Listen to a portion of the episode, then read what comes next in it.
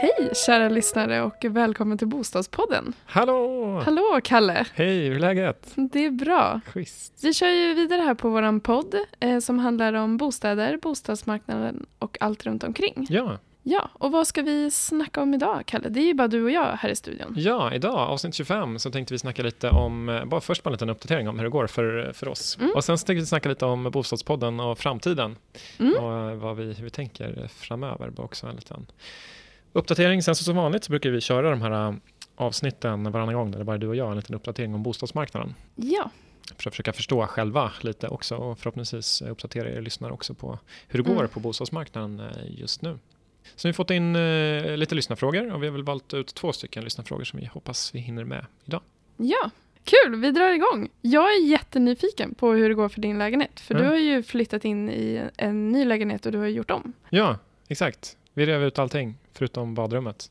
Men allt kök och alla tak, säga, men tak och, och väggar och eh, alla golv och allting. Nej, men det har gått eh, väldigt bra. Man lär sig otroligt mycket när man gör sådana här stora jobb, känner jag, om eh, vad man ska tänka på när man letar efter nytt boende nästa gång. Det är första gången jag har så här verkligen tagit mig an ett renoveringsobjekt och börjat förstå lite kostnaderna av att anlita folk som, som hjälper en eh, och även så här hur otroligt mycket man kan lyfta eh, en lägenhet som eh, kanske när man går på visningen stinker rök och är rätt oattraktiv för att vara ärlig. Mm, så vad är ditt bästa tips från det här då? Om du skulle köpa nu igen? Jag är mycket mer sugen på att leta efter renoveringsjobb framöver. Alltså Mhm. renoveringsobjekt säger man väl. Det har nog varit en liten ögonöppnare för mig hur mycket man kan göra. Jag är ganska dålig tror jag på att visualisera och gå in i ett objekt och se så här shit det här skulle kunna bli fantastiskt om man bara målar väggarna och jag är ganska dålig på det. Jag ser nog mer Mm. som objektet är. Men nu så har jag nog lärt mig mer och mer så man kan ju bortse helt från hur bostaden ser ut. Så lägga en, bud- eller liksom en budget på ja, eh, 200 000 så kommer man ganska långt med. Beroende Mm. på hur mycket så el och vatten och sånt jobb man behöver. Men ändå om det handlar om att måla och lägga golv så kommer man ganska långt med inte eh, i den här stan i alla fall sett så är det inte jättestor, jättemycket pengar liksom, jämfört med en köpeskilling. Nej. Så äh, men, eh, mer renoveringsjobb, tänka mer läge. Så här, läget är nog viktigast när man letar bostad. Och Mm. tänka mindre, så här, vad får jag för känsla i magen när jag går in i Mm, den här hallen. intressant. Ja, nej, men det är nog en lite kortfattad, ju lärt sig tusen saker om hur eh, sjukt jobbigt det är att eh, renovera, helt renovera och allt som kan gå fel och alla beslut man måste ta. Jo, men en, Ja. en insikt till om jag får, oj det här kan jag prata om hela podden känner jag, det ska jag inte göra. Så här, en, en insikt i alla fall, det, att det är så sjukt mycket beslut som jag kanske inte är jättebra på. Som Mm. ett exempel, när vi la kak eller klinkers heter det väl när man lägger hallen. Mm. Alltså dels vilken så form det ska vara på klinkerserna, om de ska vara kvadratiska eller rektangulära eller vilket, ja, det är ena frågan. Sen så, så här, Mm. hur, vilken, ja, vilken storlek ska det vara? 5 cm, 5 gånger 10 eller 15 gånger 15 eller Mm. 5 gånger 5 Sen så här, hur stor ska fogen vara? Ska den vara en 4 mm fog eller en- blir snyggare med en 2 mm fog? Och vilken färg ska det vara på fogen? Så här, och Mm. hur ska tröskeln se ut mellan klinkerserna och golvet? Och ska, måste de vara i samma nivå? Eller ska de, ja, det, Ja. det, det bara, det är verkligen så här, tusen kanske jag överdriver, men hundra beslut som man ska ta Ja. som är rätt jobbigt. Det är, mm, speciellt om man som jag inte är så bra på sånt där. Mm. Och sen det kan vara svårt att få hjälp. Och när eh, hantverkaren säger grå fog är det bästa, det ska man ha. Så litar man på det och sen Mm. inser man att man kanske hade velat ha en vit fog. Ja, Till exempel. precis. Nej, men det är mm, ja, svårt sånt där. Alltså, när man väl, till slut, man, de tre, fyra första besluten bryr man sig jättemycket om. Sen blir det bara så att, äh, kör, kör, bara kör. Liksom. Mm. Hur går det för dig? Nej men det går bra. Eller bra och bra, vi hade ju en liten vattenläcka i taket. Just det, jag hörde Vi- något om det. Det låter ju inte jättebra. Nej, vi, vi hade ju ett gammalt tak med fullt fungerande och vi ville byta det taket för att det. ja, det hade ju, gått, det hade ju liksom gjort sitt eh, Mm. ändå liksom, och behövde bytas. Så vi gjorde det Eh, vi hade ju sån tur, det var ju fantastiskt fin höst, det var jättefint väder, bra läge att, att bygga. Eh, eller byta tak. Och sen så nu kom det ju lite snö och regn och grejer Mm. för, ett, för ett tag sedan då. Och då började det faktiskt läcka in vid ett av våra takfönster Typiskt. som vi hade satt in. Och takfönster, om man har läst besiktningsprotokoll, där står det ju att det är en riskkonstruktion. Mm. Eh, så det kan ju vara, det, det, om det ska läcka in så är det ju kanske gärna där. Mm. Eh, som tur var så hade inte vi hunnit fixa in, på insidan än, så vi hade inte satt igen liksom, väggar och målat och fixat eller så. Så att vi såg ju den här läckan och kunde ringa tillbaka till takfirman och de kom faktiskt samma dag och fixade det. Så det var ju jättebra. Det, Mm. vi, valde kanske en dålig firma eftersom det blev hål, men en bra firma för att de fixade det väldigt fort. Ja. Eh, nu hoppas vi bara att det inte läcker in någonstans där vi inte kan se. Just det, för det skulle ju... var ett problem. Det är ju ganska mycket jobbigare om man upptäcker det först så tre år senare för Ja. att det luktar mögel. Liksom. Och så kanske firman inte är lika lätt att kontakta igen. Eller så. Nej, precis. Men det känns som att det ändå är bra nu. Det var ju där runt fönstren och Mm. det är tillrättat. Mm. Mm, Men annars så går det bra. Vi håller på med badrum just nu. Mm. Och som du säger, vi har ju också gått igenom hela processen med att välja kakel och klinker och Mm. sen till det då handfat och eh, kranar och eh, toastol, Mm. fixtur bakom toastolen om man ska Ja. hängd och eh, badkar och jag var, ja, det har varit jätte, jättemånga beslut. Spottarna, exakt placering av spottarna Ja. i taket. Också eh, vilken eh, lampknapp eller, och golvvärmeknapp, liksom vilket system, Mm. hur vill man ställa in golvvärmen? Går du igång på det där? Tycker du det är så här, ah, men schysst, det, vad bra det här kommer bli, eller tycker du det bara blir jobbigt? Eh, hade jag varit helt själv hade jag ju fått problem, tror jag. Men nu har jag ju personer att bolla med och då blir det lite lättare. Annars så det är svårt att få ihop alla färger och alla saker och hur det funkar. Liksom. Mm. Så det är olika personer som bollat med med olika saker. Liksom. Mm. Fixturen, ja då behöver man bolla med någon. Hur får det här plats i, liksom, i vårt eh, badrum? Och sen kakel och klinker då, någon annan som har lite bättre koll på hur snyggt det ser ut och sådär. Mm. Men, det är, men kul är det det kommer ju, jag hoppas ju, men jag är ju nervös, jag är jättenervös. Tänk Mm. om det skär sig totalt när allt kommer upp. Men förutom det så ser jag väldigt mycket fram emot ett eh, bubbelbad eh, där till jul med eh, soft eh, dimmad belysning Ja. och ett glas vin kanske. Ja. Eller champagne, eller det vad man nu dricker i badet. tycker jag låter riktigt bra. Alltså, jättebra med en målbild. Ja, det måste man ju ha. Som Mm. du sa lite inne på att det kan vara svårt att föreställa sig hur det ska se ut. Mm. Men när man väl har tagit de här besluten då tycker jag att det är ganska lätt att se. Och då ser jag bara det. Så jag kan titta in liksom i badrummet och det är helt renskrapat. Och jag tycker Mm. bara shit vad fint det här är. Men det är ju för att jag ser framtiden. Vad har du lärt dig då till nästa bostadsköp? Ja men hur väljer man hantverkare? Det är jätte, jättesvårt. Man försöker att välja bra men sen inser man att alla har jättefullt upp. Mm. Så det slutar med att den man får tag i och som ringer tillbaka Mm. är kanske den som får jobbet. Mm. För att det är så himla svårt. Det är så många som, som håller på. Eller om det är för få hantverkare. Mm. Också, vill man bli elektriker, gör det bara. Ja, men exakt. Ja, det är Kommer få jobb. verkligen sant. Ja, vi har haft också lite problem att så här, hitta bra folk, så här, rätt priser. Så här, man vill hitta folk som inte har så mycket att göra Mm. för att de kommer inte lägga på något fantasibelopp på fakturan. Mm. Men samtidigt vill man ju så här, hitta folk egentligen som har mycket att göra för de är ju populära och förmodligen gjort ett bra jobb och har ett bra rykte. Liksom. Exakt. Där finns en motsättning. Lite som att välja mäklare. Liksom. Ja, men faktiskt. Ja, just det. Mm, det har du rätt Mm. i. Det är svårt med hantverkare. Mm. Det är ingen som riktigt har löst det där än, känns det som. Nej, nej, vi försökte ju till och med så här tjänster och skickade ut och fick eh, förslag. Men elektriker har ju varit väldigt svårt att få Mm. tag på. Ja, men det är precis lite, sam, lite samma sak där med de tjänsterna som finns där man kan få in offerter. Så. Mm. De som svarar på offerter är ju inte de som har supermycket att göra förmodligen. Nej, precis. Ja, klurigt. Men Ja. eh, är du nöjd med alla hantverkare som... Ja, mm, som sagt förutom hålet i taket så skötte de det väldigt snyggt. Så att jag, jag är jättenöjd. Och platssättaren vi har eh, ska vara bland de allra bästa. Ja. Så jag hoppas att han håller upp till eh, våra förväntningar. vann EM i platssättning 97 i Prag? Exakt. Ja. Hoppas på det. Schysst. Nej, vi är väldigt nöjda också. Det som har, tycker jag har varit svårt innan är just att försöka förstå kostnaden. Mm. Speciellt med elektriker tycker jag har varit jättesvårt i vårt fall. Så när man vill ha lite extra uttag så har vi sagt, ja just det, men då måste man ju bila upp betongen här. Och ni liksom. gjorde det? Ja, I lägenheten? Ja, exakt. Ja, vi gjorde rätt mycket sånt. Så det, det stack ju iväg kanske lite mer än vad jag hade tänkt mig. Mm. Men eh, ja, med kvaliteten så har jag varit supernöjd. Men de har ju förstått också när man pratat runt lite att alla är inte riktigt lika nöjda. Det finns en viss en risk där också. Mm. Som jag också kommer räkna in i kalkylen nästa gång jag köper en, en bostad. Om det blir något renoveringsobjekt. Så här, okej, vad händer om Mm. så man hittar fel hantverkare? Ja, och man måste också räkna lite högt för det är svårt själv att uppskatta så här, hur mycket kommer en rörmokare att kosta. Mm. Och vi lyckades liksom flytta på varenda rör. Ja. Och sen bara, ja det här huset är ju lite gammalt så det är kanske lika bra att byta alla rören. Och bara, ja det är det nog. och så vill vi ha in en extra dusch och så blir det massa extra böjar här och så blir det jättedyrt. Mm. Förhoppningsvis eh, norra Stockholms mest välbyggda badrum.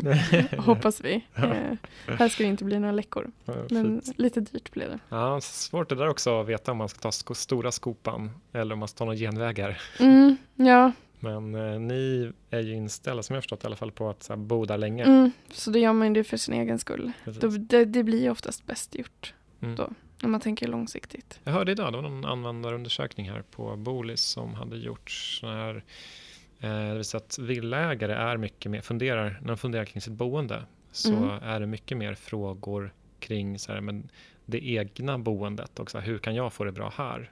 Medan Mm. lägenhetsägare tänker mer på nästa boende. Så Okej, frågor som så, okej, vad, är, vad kan jag sälja det här boendet för? Vad, hur ökar det här värdet, de här rören som jag drar om nu? Och så där. Intressant. Ja, och det är ju rimligt eftersom man bor längre i villor. Ja, jag antar det. Precis. Mm. Ja, men eh, du trivs bra i alla fall? Jag trivs super, super bra. Fast Ja. jag är lite trött på de här beigea väggarna nu när jag stirrar på dem. Och vi försökte julpynta och det är, Ja. det är som att sminka en gris. Ja, jag förstår. Det är så skönt, min eh, brorsa har precis flyttat också. De började sätta upp saker på väggarna, så här, som, så här klistermärken som inte går att få bort och så här, börja måla saker på väggarna. För de vet att de ska måla om. Ja. Så ett tips kanske kan vara så här, måla liksom röda julstjärnor på Oh. väggen liksom, med målarfärg. Då Mm. måste ni ju vår så här, verkligen måla, måla, måla över. Ja, bra tips. Det var det lite Paulina sa förra avsnittet också. Så här, men, Ja, kör, se till med ordentlig oreda, då måste man göra rätt. också. ja kul tips. Men i vår då, podden och sådär. Vi Mm. eh, har i det här avsnittet så har vi en intervju eh, som vi tänkte släppa som nästa avsnitt. Mm. Och det här är ju vår bästa, om man tittar på sista siffror, otroligt stort tack för alla, alla ni som lyssnar. Eh, jättekul, dels med allt content, allt som ni har bidragit med, med alla frågor och all support, all, all pepp som vi har fått. Eh, och allt ni verkar ha på något sätt har spridits i alla fall. Så rekord, rekordsäsong, rekordsiffror för varje avsnitt. Men, men hur tänker vi? Vi tar en paus Ja, när vi är på topp ja, under våren. Mm. Och så hoppas vi att vi kör igång igen i höst.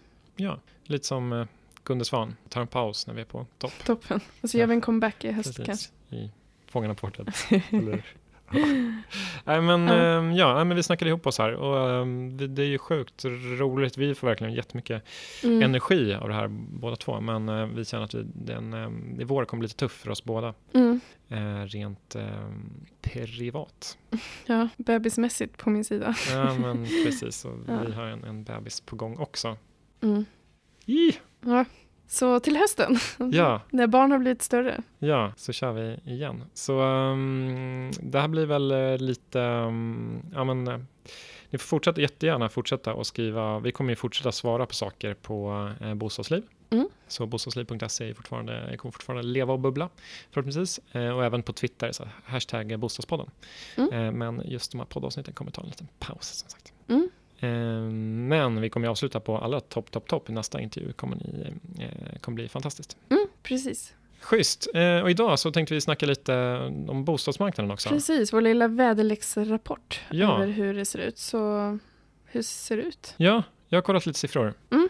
Den här gången. Och om man tittar på i, hela, hela Sverige så är, så här, det vi pratat om tidigare, men utbudet på bostadsmarknaden bland successionsbostäder är fortsatt lågt över i, på hela landet. Så ett antal nyproduktion har ju gått upp lite, de som är ett salu nyproduktionsprojekt har gått upp lite grann. Mm. Men generellt så är det alltså utbudet fortsatt lågt då, vilket påverkar priserna. Ja, tillgång och efterfrågan. Är tillgången eh, låg så, så, så åker priserna uppåt. Så, så det har ju påverkat lite och priserna är fortsatt så här högre än tidigare år. Mm. Det är ingen skillnad där. Jag tror förra gången sa vi att de har fortsatt, så verkligen fortsatt gå upp och att amorteringskravet har fått en motsatt effekt. Mm. Alltså pris, den, tanken var ju att priserna skulle sänkas. Nu har ju visserligen eh, svenska hushållens skulder minskat lite grann men eh, priserna har, har eh, gått upp då. Så eh, man skulle möjligen lite om man vill så gå in på spekulationsnivå kunna se en liten trend, så lite förändring senaste månaden när priserna kanske har gått ner lite grann om man tittar på medelslutpriser. Mm. Men det är så pass lite så att det är svårt att dra någon så jättestor slutsats på det. Precis, Men så det, det är ju på riket vi har kikat då. Precis. Så är det. Annars kan man väl säga också att så nyproduktionsbolagen, när vi pratar om dem med dem så brukar det vi hör mer och mer är att det blir svårare att sälja nyproduktionsprojekt. Inte att det är svårt att sälja dem, men ändå så att den ganska aggressiva prissättningen som har gjorts på nyproduktions, alltså nya lägenheter, nya bostäder, eh, har man nog fått kanske, man börjar bli lite, lite nervös för den eh, aggressiva prissättningen och kanske mm. börjar sänka priserna lite också. Så någon slags, jag vet inte, mojnande vindar, kan man säga så? Mm, ja. Liten, inte en ens raketfart uppåt helt enkelt. Nej. Utan, men ingen krasch neråt heller. Ingen krasch neråt heller. Nej. Återigen inga superspännande rubriker. Ehm. Nej, sen är det ju som sagt, nu går vi in i december mm. och det är ju en väldigt lugn månad. Ja, verkligen. Så det ska ju bli spännande fortsatt att uh, följa bostadsmarknaden här under våren och, och som vanligt så januari och februari kommer ju bli mycket mer spännande än vad november december är. Mm. Mm. Var det en uh, okej Men jag tycker att det är en okej, ja. Har du eh, något att tillägga? Nej, det har jag inte. Nej. Ja, men vi kanske ska nöja oss då och hoppa direkt in på lyssnarfrågorna. Ja, vi har ju två frågor som eh, vi tänkte ta upp. Den första har vi fått in via Bostadsliv i forumet. Det är en fråga som vi fick väldigt mycket förra året när det var riktigt hetsigt på bostadsmarknaden. Mm. Men som inte kommer jätteofta längre. Men det är väldigt intressant att den här mm. frågan ändå dök upp nu under liksom, slutet av hösten. Jag kan läsa upp den. Eh, så här är frågan. Vi ska sälja vår lägenhet. Den ligger ute för 2 590 000. Vi har fått ett förhandsbud på 3,1 Lägenheten är väldigt fin så vi hoppas på att få 3,2 för den. På ordinarie visning är det 12 sällskap inbokade. Hur ska vi göra? Vi har inte bråttom alls. Tacksam för svar. Och vi, ni kan ju gå in och läsa våra svar där också. Men ändå, Kalle, hur tänker du här? Alltså det är ju alltså det är en väldigt bra förhandsbud som eh, hon har fått här. 2,6 och sen så upp då 500 000 till 3,1. Procentuellt sett så är det liksom fantastiskt så förhandsbud. Mm. Men samtidigt så tycker hon att den är väldigt fin och hoppas på att få 3,2 för. Då. Mm. Alltså man kanske ska börja säga, det är ju jättesvårt. Ja. Men personligen, så för jag, jag har ju varit med om, eh, tidigare vi var på en jättefin visning på Lilla Essingen tror jag var. En fantastisk lägenhet, jag blev stormförtjust och eh, satte, jag och eh, min sambo satte en, en gräns, eh, så våran, våran budgräns. Så mm. När vi åkte hem på kvällen skulle snacka ihop oss lite och börja ge bud nästa dag. Och sen ringde mäklaren och sa att den har blivit såld. Då tror jag att den var såld för 400 000 under vad vi hade kunnat tänka oss att buda upp till. Oj! Så det, på det sättet så säljaren gick ju miste om, i alla fall jag som var liksom mm. superförtjust och hade kunnat tänka mig att trigga upp en budgivning ganska mycket. Mm. Um, så, så jag är kanske lite bränd lite färgad av det. Alltså jag skulle mm. aldrig sälja till förhandsbud till någonting under där man själv hoppas på i alla mm. fall. Mm, precis, för man lägger inte ett förhandsbud över vad man själv vill betala för lägenheten eller bostaden. Nej. Så man lägger ju det, kanske sitt eget max, för mm. att det är enda chansen att kunna lägga sitt max utan att dra med någon annan. Mm. Eller så lägger man faktiskt under sitt max. Alltså jag har ju försökt lägga förhandsbud själv. Mm. Och det är ju för att man tror att det är enda chansen att man kan få bostaden. Mm. Sen finns det ju vissa som väldigt gärna bara vill slippa budgivning och bara jag betalar vad som helst bara jag slipper den där ångesten över budgivningen. Finns det sådana? Ja, det finns det. Okay. Absolut. Aha. Men jag tror inte att de är, är så, så många. Mm. De flesta försöker göra ett klipp. Det är Exakt. därför man lägger ett förhandsbud. Ja, jag skulle gissa på att det är liksom 90 8 som försöker göra ett klipp för att slippa budgivningen. Men det kanske ja, finns ju säkert de som... Uh, det man kan göra som säljare i det läget, det har jag haft personer i min närhet som har gjort, det är att de säger till mäklaren att eh, det är intressant, men eh, att de får faktiskt gå ut till de andra som har skrivit upp sig på intresseanmälningarna och säga att det har inkommit ett bud och på så sätt skapa en, en budgivning före visningen. Mm. Och det, alltså, man vet ju aldrig vad det skulle blivit ändå, men då, blir det, då får man ändå den där budgivningen innan, plus att man får en tidspress. Mm. Att så här, jag kommer sälja den här bostaden innan det här datumet. Är du med eller inte? Vilket mm. är väldigt triggande eh, för många. Så det skulle hon kunna göra i det här läget. att säga Hon hade ju tolv intressenter där.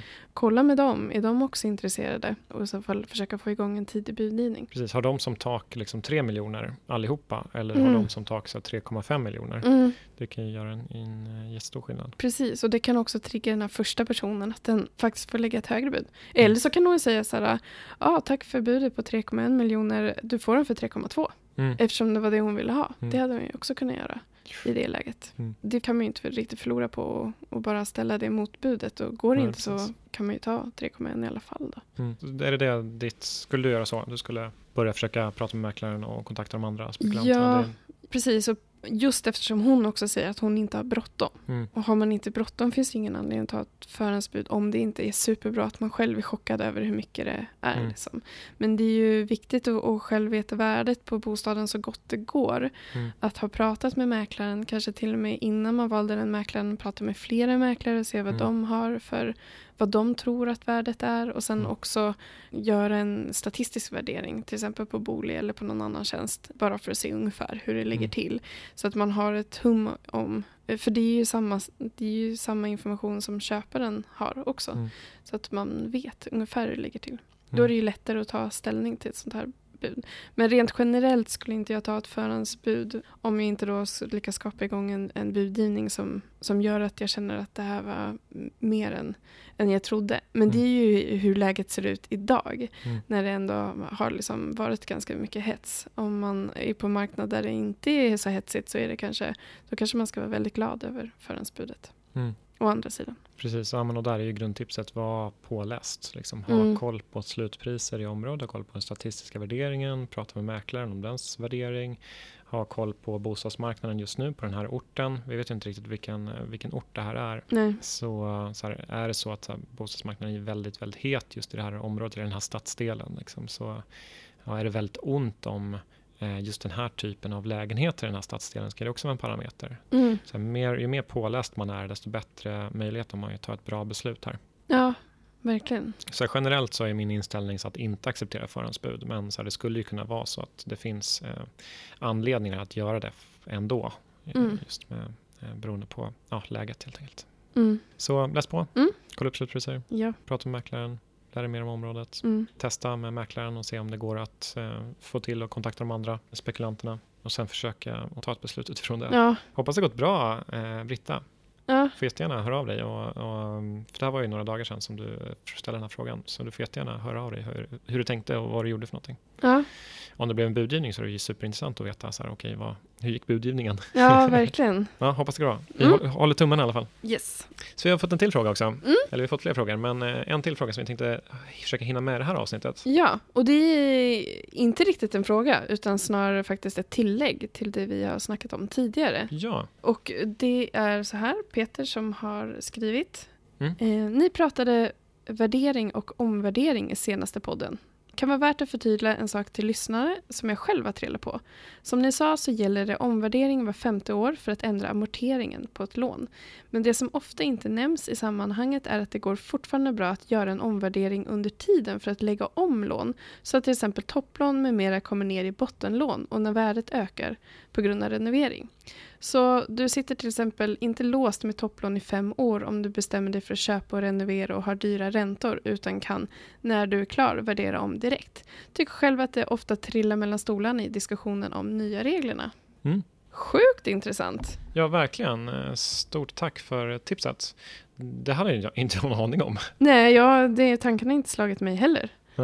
Men det går alltså, det stämmer, vi har kollat upp det här nu, Ja. eh, pratat med, med banker och eh, det visar sig att det stämmer ju helt klart. Man får alltså värdera om sin bostad när som helst om det gäller att omvandla då. Här kan ju banker ha lite olika förutsättningar så man får kolla med sin egen bank då, men, men eh, de vi pratat med i alla fall så, så kan man alltså värdera om för att lägga om då eh, blankolån eller topplån till bostadslån när som helst. Mm. Så det kan man göra varje år. Så, ja, men bostadsmarknaden har gått upp lite, nu värderar jag om den så får jag ner allting under den här 85 spärren då som, där man får ha bolån med en lägre ränta. Mm. Däremot så är det fortfarande den här femårsgränsen som vi pratade om tidigare med amorterings... Om man ska ändras, om man ska komma under en amorteringsgräns Mm. så gäller fortfarande att man inte får värdera om mer än var femte år. Det är lite rörigt här, men alltså Mm. två olika, man får värdera om, ena när det gäller topplån och eh, eh, bostadslån får man värdera om när som helst, men när det gäller amorteringsgräns får man bara värdera om var femte år. Om man inte gjort så en stor renovering, nu känner jag att det blev väldigt krångligt. Ja, så här om jag fattat det rätt. Om du alltså är räntan du är ute efter att sänka Ja. så kan du göra det när som helst genom att värdera om bostaden och Mm. då liksom kunna sänka den för att värdet har ökat eh, och du har liksom en säkrare Mm. eh, situation. Men om du vill värdera om för att komma ner i amorteringsnivå eh, så kan du bara göra det var femte år och då, eller om du då har gjort en jättestor renovering, en tillbyggnad till Mm. exempel. Exakt. Nu sa jag exakt det du sa. Ja, Lite fast- mansplaining. fast, fast mycket tydligare, det var faktiskt bättre. Jag känner att jag slar- slarvade bort mig lite bra just sen. Nu tror jag att det här är kommit fram Ja, genom etern. Så stort tack! verkligen jättekul. Tack för tipset för vi eh, hade inte tänkt på det. det ju- ni får jättegärna skicka in eh, sådana tips också i framtiden. När ni tycker att vi missar någonting. Nej men så återigen, så jättestort tack för, eh, för frågorna och jättestort tack för alla ni som hör av er. Eh, Och eh, stor pepp inför nästa sista avsnittet för den här säsongen. Mm. Hur når man dig om man vill komma i kontakt med dig? Josefin.bole.se Mm. eller på Twitter Josefin Ling. Mm. Och dig Kalle? Ja, mig når man på Kalle Nilver på Twitter. Eller på kalle.bole.se och så kan man såklart jättegärna gå in på bostadsliv.se och eh, ställa en fråga där. Mm. Sweet, tack för den här gången då. Ja, tack så mycket. Ha det bra. Ja, hörs snart. Hej hej! Hej då!